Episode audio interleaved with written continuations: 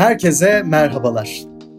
Dünyadan ve Türkiye'den sektörel hikayeleri kulaklarınıza getirdiğimiz Pareto Podcast'in yepyeni bir bölümü ve bu yeni hafta başında kulaklarınızda olmanın mutluluğunu taşıyan 3 arkadaş olaraktan sizlerleyiz. Ben Orçun ve Borga, İren her daim olduğu gibi bu bölümde benimle birlikteler. Arkadaşlar hoş geldiniz. Hoş bulduk Orçun. Hoş bulduk Orçun. Umuyorum keyifli bir hafta sonunu geride bırakmışsınızdır. Her şey yolunda mıydı? Yolundaydı, gayet iyiydi. Sende ne var ne yok? Bende de keyifler yerinde. Umuyorum geride bıraktığımızdan daha güzel bir hafta gerek beni, gerek sizleri, gerek ülkeyi, gerekse dünyayı bekliyordur diyeyim. Bugün Pareto Podcast için güzel bir bölüm bizleri bekliyor ve dinleyicilerimizi bekliyor elbette. Çünkü konu dünyadan ve Türkiye'den sektörel hikayeler olduğunda kaydettiğimiz birçok bölümde çok çeşitli sektörlere uzandık, konuştuk, inceledik, durduk. Ama sanıyorum bugün konuşacağımız sektörü, gıda sektörünü bu kadar enine boyuna konuştuğumuz bir bölüm kaydetmemiştik. Ki gıda sektörü içerisinde de bugün birçok sektörün teknolojiyle alakalı etkileşiminden doğan yeni sektörler Pareto'nun olmazsa olmaz başlıklarından. Bugün de sadece gıda sektörünü konuşmayacağız. Aynı zamanda İngilizce adıyla food tech yani gıda teknolojilerini konuşuyor olacağız. Gıda teknolojilerinde de ilginç yatırım haberleri, başka başka ilginç güncellemeler ve birçok insanın da gelecek yıllara karşı düşündüğü farklı farklı umutlar söz konusu. Lafı çok da uzatmak istemiyorum. İren direkt sana dönmek isterim.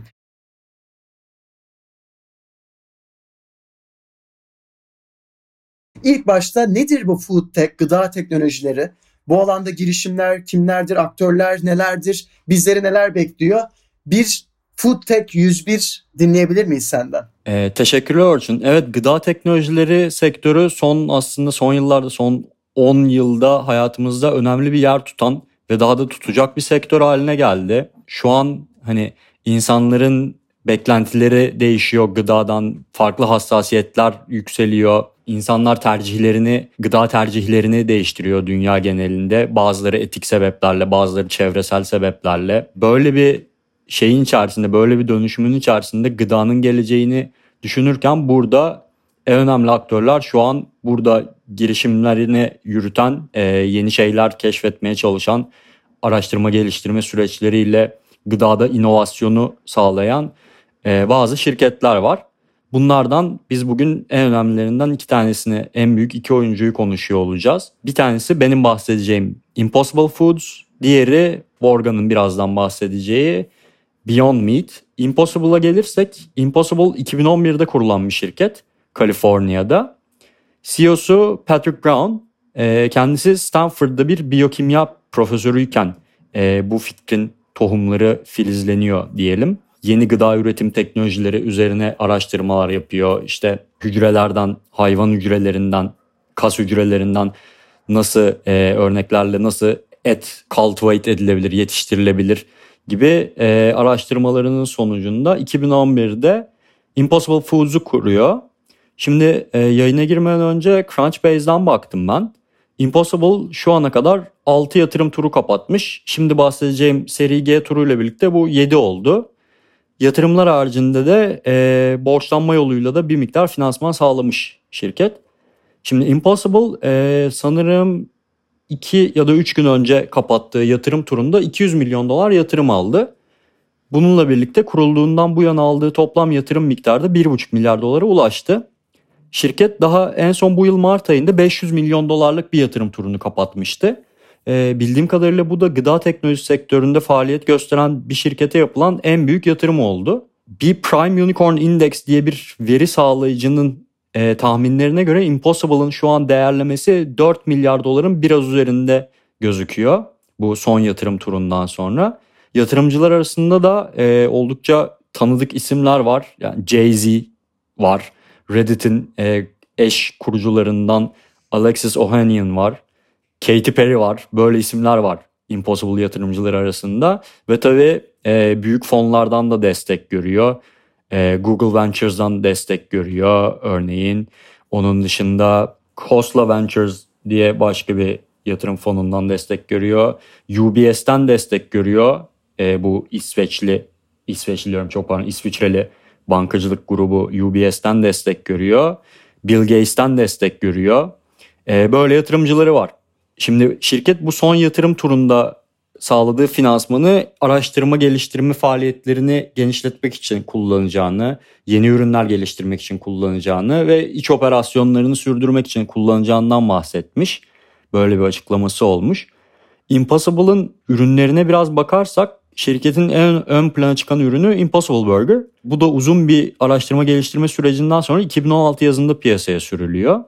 Şu an ABD'de birçok markette Impossible ürünleri satılıyor. Bunların arasında 2000'den fazla Walmart mağazası da var. Ve ayrıca perakende e, Burger King, Applebee's, Hard Rock Cafe, The Cheesecake Factory gibi e, ya bunların arasında olduğu birçok zincir mağazada yani ABD'nin yerel zincirleri bazıları bizim Türkiye'de pek aşina olmadığımız zincirler birçok mağazada Impossible ürünleri yer alıyor. Böyle bir perakende genişlemeleri de var. Böyle bir hedefleri de var. Biraz sektöre bakarsak genel olarak gıda teknolojileri sektöründe, bitki bazlı ürünler sektöründe hızlı bir büyüme görüyoruz son zamanlarda. Örneğin Nisan 2018-Nisan 2019 arasında ABD'de bitki bazlı et ürünlerinin satışından 800 milyon doların üzerinde gelir elde edilmiş. Bu kategori 2017'den 2018'de %25, 2018'den 2019'a %10 civarında büyümüş yıllık olarak ve daha da büyümeye devam ediyor. Aslında burada gıda teknolojileri alanında baktığımız zaman sadece şeyden bahsetmiyoruz. Sadece bitki bazlı etten bahsetmiyoruz aslında. Bitki bazlı süt, yine bitki bazlı diğer süt ürünleri, e, direkt bitki bazlı yemekler, tofu gibi ürünler, e, bitki bazlı soslar, bitki bazlı yumurta gibi birçok aslında alt kategoriye ayrılıyor bu şey, bu sektör. Şu bu alanda aslında başı bitki bazlı süt çekiyor ama onun arkasından da yani süt ve süt ürünleri çekiyor. Onun arkasından da et geliyor. Ben dediğim gibi bu sektörün hani zaten büyüme trendi ortada ve daha da önümüzdeki yıllarda daha da önem kazanacağını düşünüyorum. Zira insanların çevresel hassasiyetleri arttıkça bu gıda tüketimine olan bakış açıları da değişiyor. Şöyle ki et üretimi şu an e, dünyada büyük bir karbon salımına sebep olan sektörlerden biri.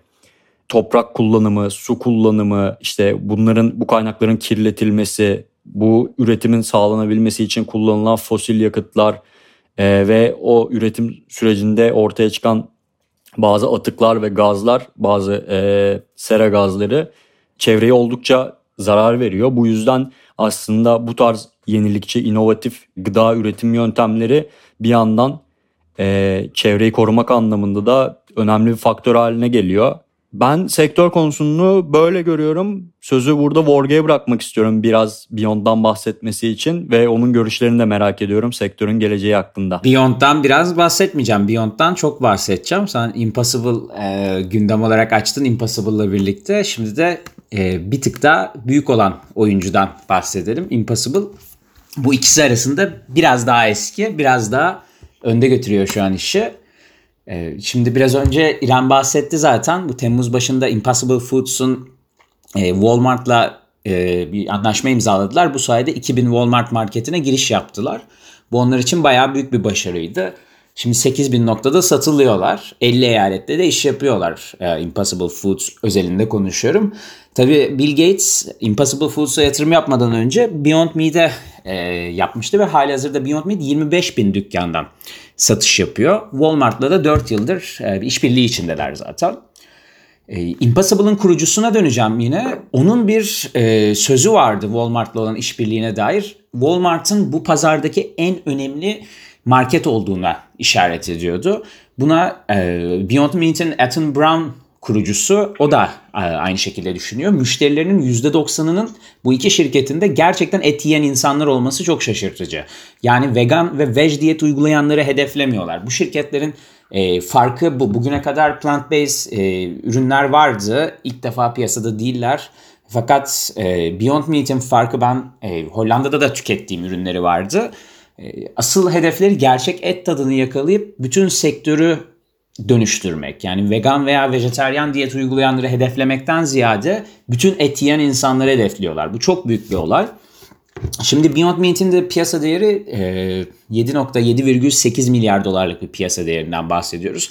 Geçtiğimiz yılın belki de en iyi performans veren halka arzı, halka arzlarından biri diyelim. Kurucusu da Ethan Brown 2009'da kurdular.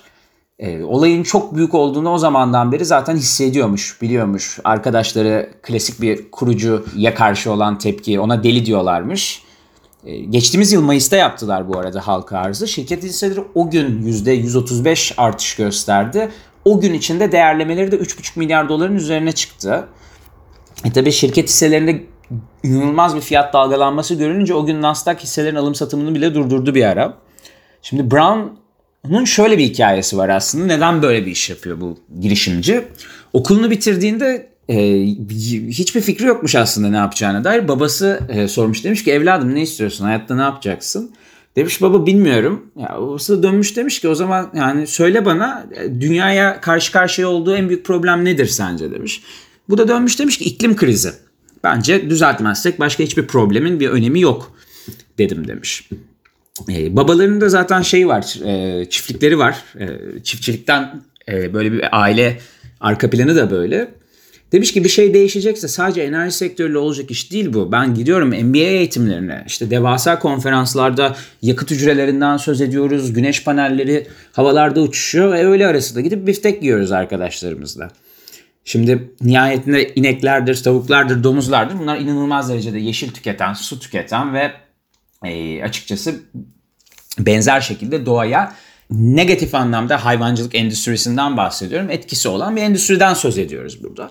Tabii şirket e, çok büyüdü. Artık McDonald's'la, Dunkin' Donut'la, Denny's gibi şirketlerle işbirliği yapıyorlar. Onlara da ürün üretiyorlar. Sadece perakende de yoklar.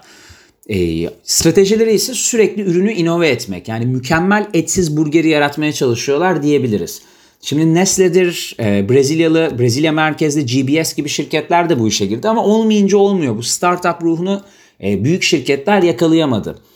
E, Beyond Meat'i biraz burada Apple gibi düşünebiliriz. Yani Impossible Foods da gerçekten iyi bir startup ama Beyond Meat burada Açıkçası telefonu icat etmediler fakat inanılmaz bir sadık müşteri ordusu yarattılar.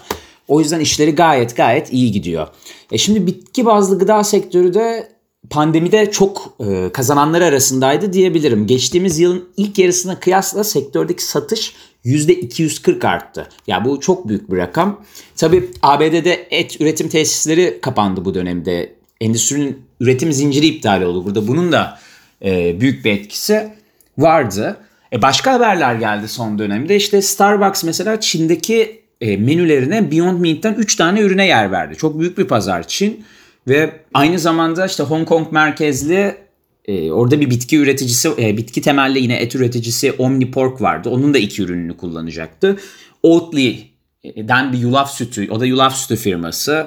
Onu da alternatif sütlerine ekledi ve böyle bir farklı diyetlere hitap eden bir ürün menüsü oluşturdu. Bunun yaygınlaşacağını tahmin ediyorum giderek. E, bunlar da çok büyük pazarlar bu tarz şirketler için. Ha laf açılmışken Oatly'den de bahsedeyim. Oatly de arkasında Blackstone e, gibi bir şirketi almış. Keza hani Oprah, Winfrey Oprah'ın e, yatırımcıları arasında oldu. 200 milyon dolar yatırım kapatmıştı İsveç merkezli şirket. Onların da 2 milyar dolar değerlemesi e, var şu sıralar. Yani sektörün biraz resmini çizmek için anlatıyorum bunları. Keza sadece böyle olaylar da olmuyor. Yani burada plant based diyoruz. Buna e, yan bir şey açacağım. Hani teknoloji dediğimiz için gıda teknolojileri. Şöyle olaylar da oluyor. Mesela KFC işte Rusya'da geçtiğimiz aylarda bu 3 boyutlu işte baskı makinelerini bioprinting kullanarak e, bir işbirliğine başladı. Hayvan kullanmadan nugget üretecekti. Bu kesinlikle plant based değil fakat yine gıdanın nereye gittiğini göstermek açısından bence e, gayet gayet önemli. Yani uzun uzun konuşabilirim. Daha çok şirket var, e, çok data var e, üzerine değerlendirilecek ama istersen Orçun bunu e, şeye taşıyalım. Böyle bir sohbet ortamına taşıyalım. Yoksa ben susmayacağım. Vallahi Borga yani öncelikle ikinize de teşekkür ederim. Arada belki duymuşsundur bir kahkaham vardı. Orada umarım şey dememişsindir ya bu çocuk da ne gülüyor acaba ben ciddi ciddi burada bir şeyler anlatıyorum diye. Çünkü özellikle bazı diyalogları aktardığı şekiller çok böyle müthiş bir yerelleştirilmeyle aktarılmış gibi hissettiriyor bana.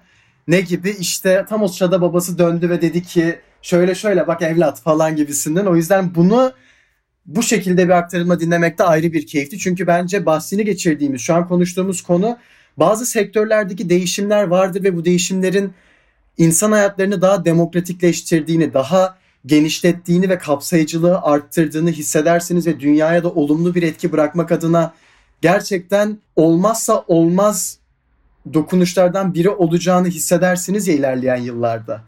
Yani gel gelelim insan popülasyonu artıyor ve dünya bunun farkında. Bu başımızı bir noktada ağrıtacak.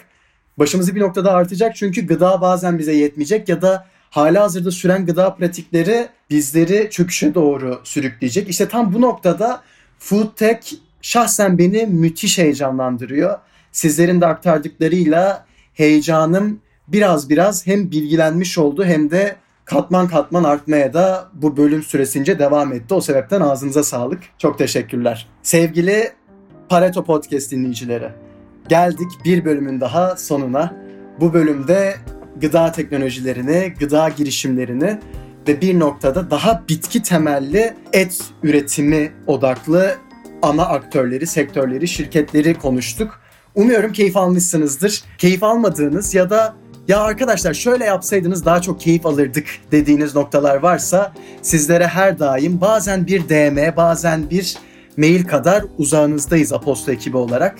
Bir haftanın daha sonuna geldik. Gelecek haftalarda çeşitli sektörlerden çeşitli başlıkları kulaklarınıza taşımaya devam ettiğimiz bu podcast bölümlerini sizlere heyecanla aktarıyor olmaya devam edeceğiz.